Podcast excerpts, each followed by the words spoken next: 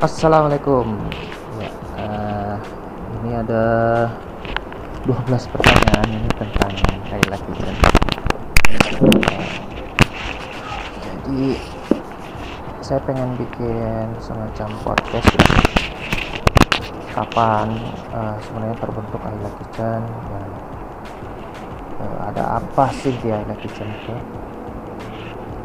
Oke, ini sudah ada pertanyaannya sekitar wah 12 pertanyaan ini.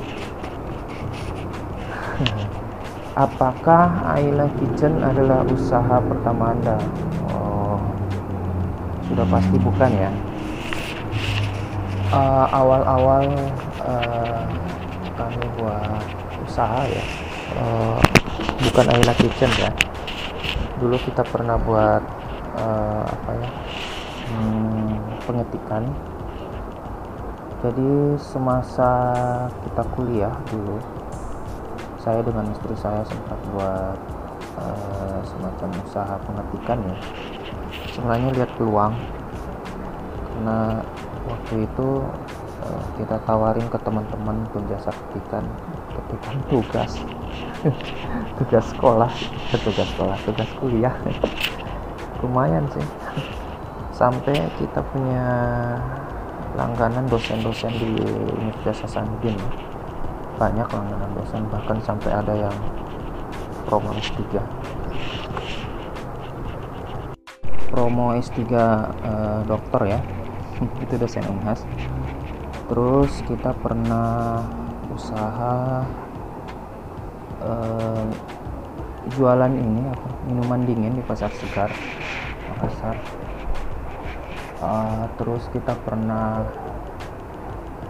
uh, usaha jualan PMP PMP beku waktu itu lumayan jadi Ayla Kitchen itu adalah usaha yang bukan yang pertama ya tapi yang sekarang ini Oke, yang kedua lanjut, apakah Anda yakin ingin menjadi entrepreneur?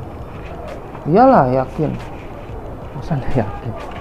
Dari dulu udah memang sudah sejak kuliah sudah punya uh, apa ya keinginan untuk berbisnis ya entrepreneur uh, wirausaha. Entrepreneur ya kerennya ya. Terus yang ketiga lanjut. Seberapa paham anda pada bisnis yang dirintis ini? Uh, yang terakhir ini uh, lumayan paham ya karena kami dulu pernah bisnis uh, jualan pizza ya. Terakhir itu kita jualan pizza. Nah waktu itu uh, kita uh, apa ya bahan baku sebenarnya ya bahan baku yang kita butuhkan. Nah di situ kita pelajari bahwa kita butuh ini butuh butuh ini. Kita coba pasok uh, usaha kita sendiri ya. Ayla Kitchen dulu sudah jadi Ayla Kitchen sudah sudah terbentuk. Kita kita jualan pizza ya. Lalu kita coba uh, mensuplai diri kita sendiri termasuk mozzarella uh, apa? Daging asap dan lain sebagainya. Jadi untuk semua uh, produk knowledge ya kita sudah paham ya terutama untuk pizza. Sek karena sekarang bisnis Ayla Kitchen adalah tidak jauh dari pizza topping ya. Walaupun sekarang kita sudah nggak jualan pizza lagi ya anda tahu nanti ya. Mungkin rencana ke depan kita buat di Maros untuk pizza. Oke kita lanjut. Seberapa paham orang-orang terdekat anda pada bisnis tersebut uh, jadi tujuan bisnis ini terbentuk sebenarnya Ayla Kitchen terbentuk ya kita jualan uh, makanan beku. Sebenarnya bukan makanan beku pizza topping. Sebenarnya karena banyaknya kawan-kawan kita uh, yang membutuhkan bahan jadi kami suplai bahan ya lumayan murah ya daripada belanja. Karena dulu kita pernah rasakan belanja di uh, supermarket di mana bahan-bahan pizza topping itu lumayan mahal. Sekarang kita sudah uh, suplai langsung dari si pembuatnya ya kayak mozzarella. Jadi jadi ya itu yang kita kita supply kepada teman-teman kita jadi orang-orang terdekat kita dulu nah bisakah anda menjalankannya pada jalur yang berat? Oh, bisa. Bisa sangat bisa. Ya jadi Ayla Kitchen itu kalau berada jalur yang benar ya sudah benar sih jalurnya. Nah kita tidak apa ya kita tidak mencari uh, kompetitor yang bersaing sampai mau gontok-gontokan uh, persaingan tidak sehat. Enggak enggak sampai ke situ. Oke okay, berikutnya. Pertanyaan oh sudah pertanyaan keenam. Yang keenam apa yang ingin anda capai? Simple sih sebenarnya yang ingin kami capai di sini. Di Ayla Kitchen itu ingin menjadi seperti pemasok ya walaupun kami bukan pemasok ya kami jadi pasok tapi uh, Ayla Kitchen ingin uh, kalau orang butuh sesuatu kita bisa supply ke mereka. Jadi apa yang anda capai ya kami menjadi supplier sebenarnya. Kita bisa pasok semua orang ya. Sampai sekarang kita uh, ya alhamdulillah kita pasok sudah sampai ke wilayah timur ya Jayapura. Hanya kalau wilayah-wilayah kayak Sumatera belum berani karena pengiriman ya pengiriman yang sangat susah terutama kargo pesawat yang mahal ya. Jayapura saja sekarang ini Desember nih ya mau masuk Natal kita stop dulu. Stop dulu ya soalnya mahal kargo. Kemarin kami ngecek untuk Makassar eh, Jayapura itu sudah 150.000 per kilo. Jadi yang kami capai adalah kami menjadi uh, supplier dan menjadi perusahaan yang besar. Walaupun sekarang cuma kita berdua satu pegawai. Ah, mungkin lah. Kenapa nggak mungkin? Terus yang ketujuh, seberapa paham Anda akan kesulitan yang mungkin dihadapi? Kesulitannya sangat banyak. Uh, yang apa ya? Yang pertama adalah masalah dana ya, pembiayaan modal. Uh, kami tidak ingin mengambil uh, modal. Oh, maaf tadi ke ya, soalnya tadi lagi cari makan dulu. Uh, tadi sampai mana ya? pertanyaannya saya ulang aja. Seberapa paham anda akan kesulitan yang mungkin dihadapi? Ya oh tentang kesulitan ya. Jadi kesulitannya itu apa ya? Jadi, mengenai apa? Modal ya, ya. jadi eh, karena kita eh, tidak eh, apa ya? Tidak meminjam ke bank. Jadi kita nggak mau sampai uh, kalau pemodalan itu sampai kita minjam ke bank sampai enggak. Jadi kita uh, menghindari itu ya menghindari uh, pinjaman-pinjaman ke bank. Jadi kesulitannya sebenarnya uh, di modal. Tapi tapi itu awal-awal saja sih. Sekarang kita sudah bisa memutar modal ya jadi kesulitannya sendiri itu mungkin kami di storage. Karena uh, usaha kami itu adalah makanan beku. Ya makanan beku. Jadi uh,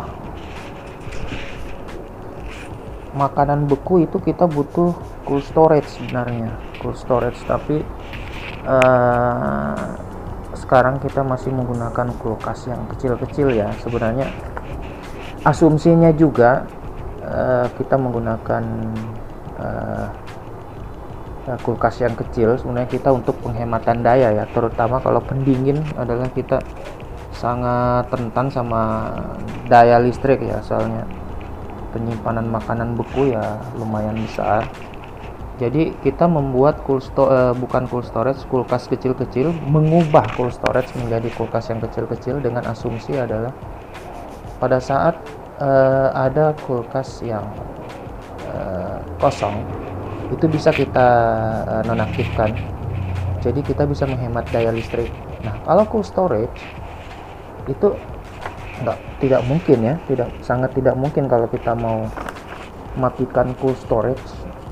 Karena dalam keadaan walaupun dia sedikit atau banyak nggak mungkin lah. Kalau menggunakan kulkas yang berkapasitas besar itu bisa. Jadi sekarang kita sudah punya kulkas kita kulkas yang kapasitas besar ya. Kita sudah punya sekitar 7 atau 8 ya. Satu kulkas itu kapasitasnya sekitar uh, apa ya kemarin itu? Ada yang ada yang 100 lebih ya ada yang sampai 500 ada yang sampai 500 kilo. Nah terus yang ke delapan delapan ini. Ini bekerja sendiri atau bersama orang lain? Sebenarnya Ayla Kitchen itu kerjasamanya adalah kerjasama apa ya? Sebenarnya ber, bekerja sendiri. Jadi kami mempunyai jadi kami berdua saya dengan istri saya dengan satu pegawai. Nah uh, kerjasamanya itu adalah dengan pemasok kita. Jadi kita punya banyak pemasok ya. Di mozzarella kita uh, kalau saya berbicara tentang mozzarella ya kita punya pemasok adalah Eurial Eurial terus ada Angkor ada Leprino terus ada Greenfield. Dulu ada Lactalis tapi udah kita udah nggak jual. Terus ada kemarin yang terakhir Arla mau masuk ya tapi kita masih uh, masih apa ya masih lakukan penawaran.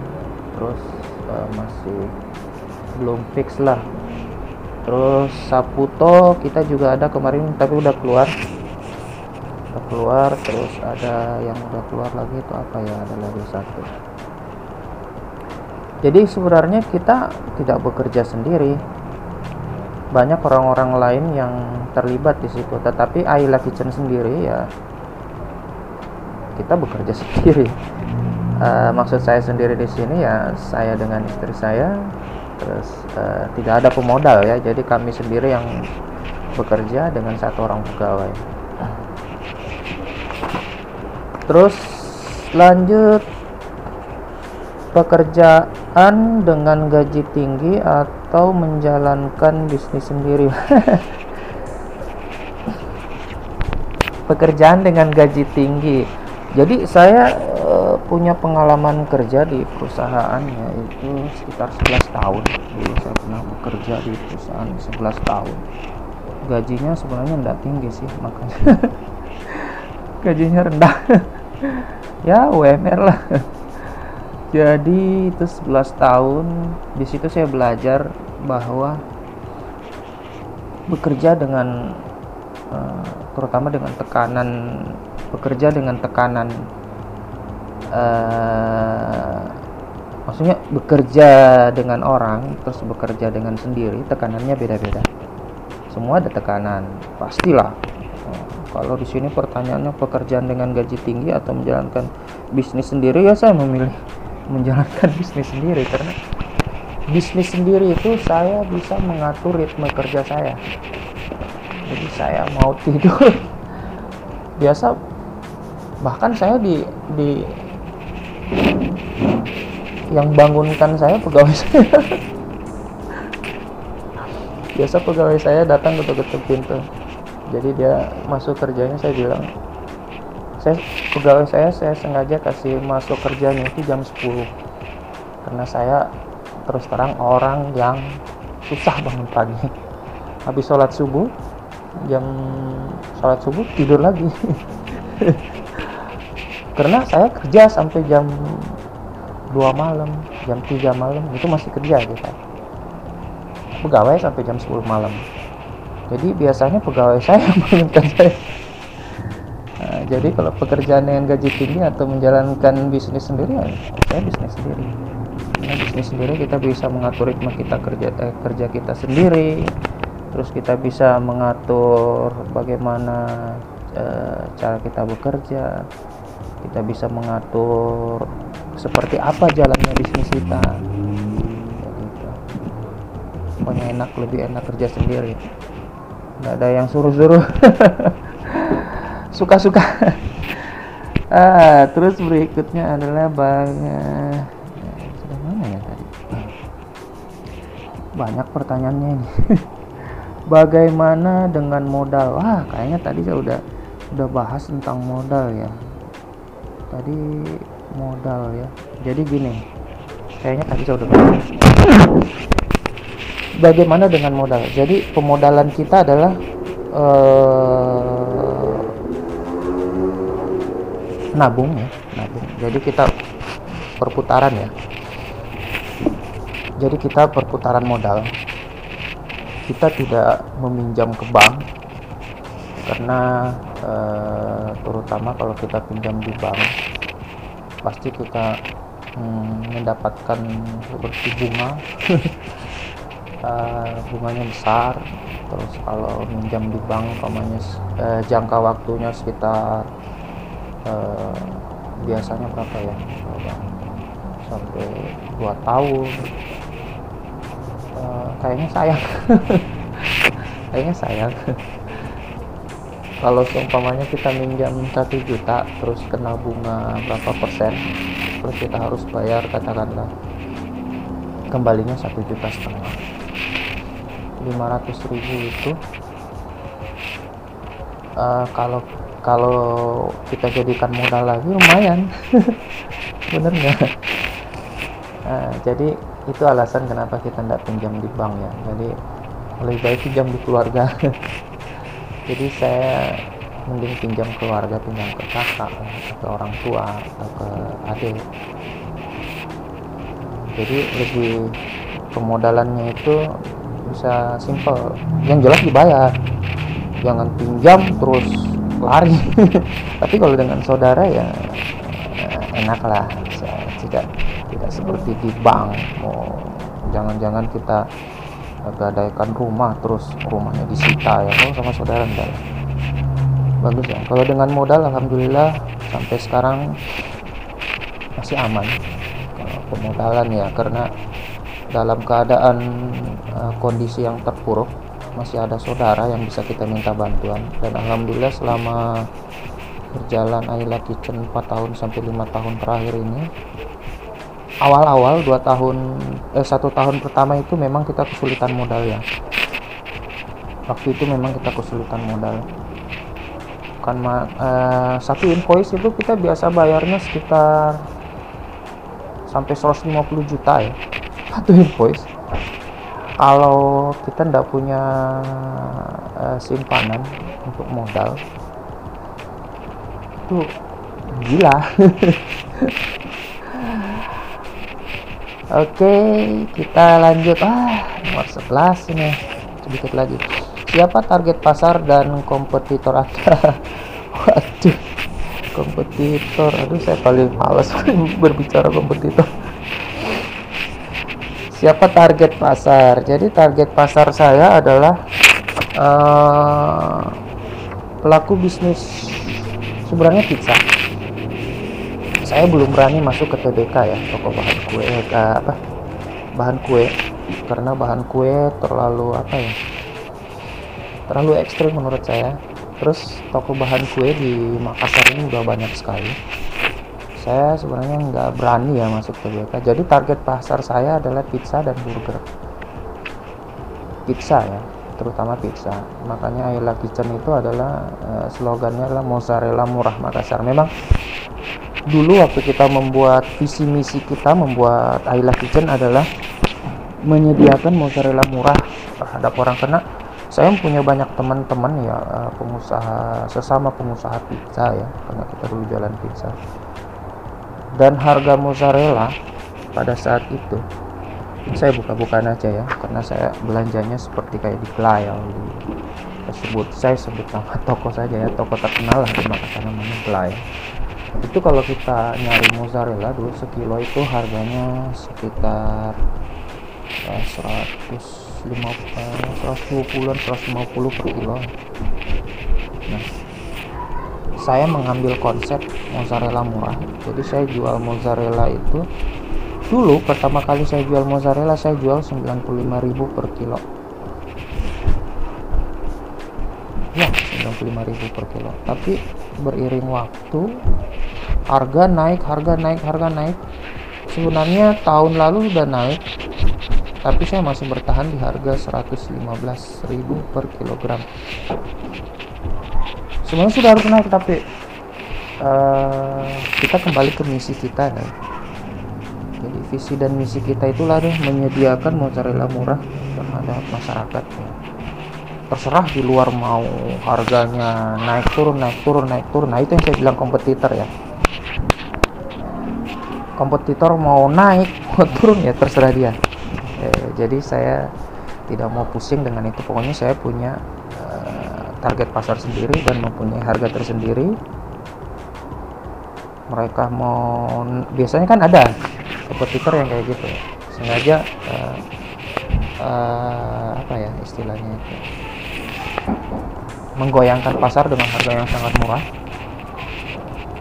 Ya silakan. Sampai kapan dia mau bertahan dengan harga segitu?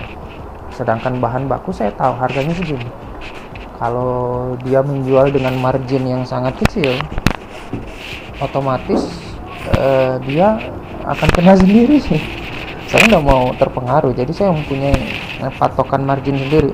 Segini saya lepas di pasar. Ada yang kompetitor mau turun terserah. Saya nggak urus. Kalau dia naik silakan. Artinya saya yang dicari. Jadi seperti itu. Saya tidak terpengaruh sama dengan kompetitor yang mau uh, apa ya uh, pasar biasanya memang. Ya namanya pasar terserah orang. Mau jual harga berapa juga yang jelas saya kami punya patokan harga. Jadi uh, target saya sudah jelas target pasar saya. Terus kompetitor saya juga ada. Banyak sangat banyak. Karena yang namanya frozen food itu kompetitornya sangat banyak. Apalagi sekarang kita di pandemi corona ini uh, sebagian besar ibu-ibu rumah tangga uh, bahkan uh, pemain besar sekalipun dia udah turun di jalan. Udah mulai mulai membuat bisnis uh, online ya. Karena target saya sebenarnya online Nah, ini dia yang terakhir. Saya suka sekali yang terakhir. Siapakah Anda? Waduh. Siapakah Anda? Duh, saya memperkenalkan diri atau ya, Jadi jadi saya adalah orang biasa, penjual biasa, penjual online. Uh, uh, ya, Pak Balu. jadi uh, jadi saya dulu adalah uh, kalau saya berbicara tentang siapa saya lah jadi saya dulu adalah pekerja pekerja yang di PHK setelah saya di PHK saya uh,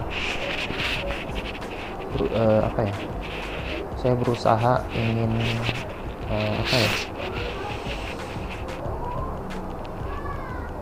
Ingin terlepas dari dunia kerja. Saya sudah tidak mau cari, cari kerja lagi sebenarnya waktu itu karena sudah yang namanya PHK ya sakit sekali. Waktu itu saya jadi tukang ojek. Gojek ya. Saya jadi driver gojek lumayan lama sampai sekarang uh, akun Gojek saya masih aktif ya sudah sekitar 2 tahun 2 tahun lebih. Uh, pernah saya mencoba masuk kerja lagi ke ya karena base saya di telekomunikasi ya. Saya waktu itu pernah masuk lagi di XL uh, tapi tidak berhasil. Saya kembali lagi. Uh, sempat bisnis saya terbengkalai ya waktu saya mencari-cari kerja itu sempat bisnis saya terbengkalai. Lalu saya berkomitmen untuk tidak bekerja eh, tidak melirik pekerjaan yang lain. Jadi saya fokus sama bisnis saya. Uh, saya bangun lagi dari nol. Dan alhamdulillah sampai sekarang sudah uh, saya bilang besar enggak sih tapi sudah berjalan sangat baik.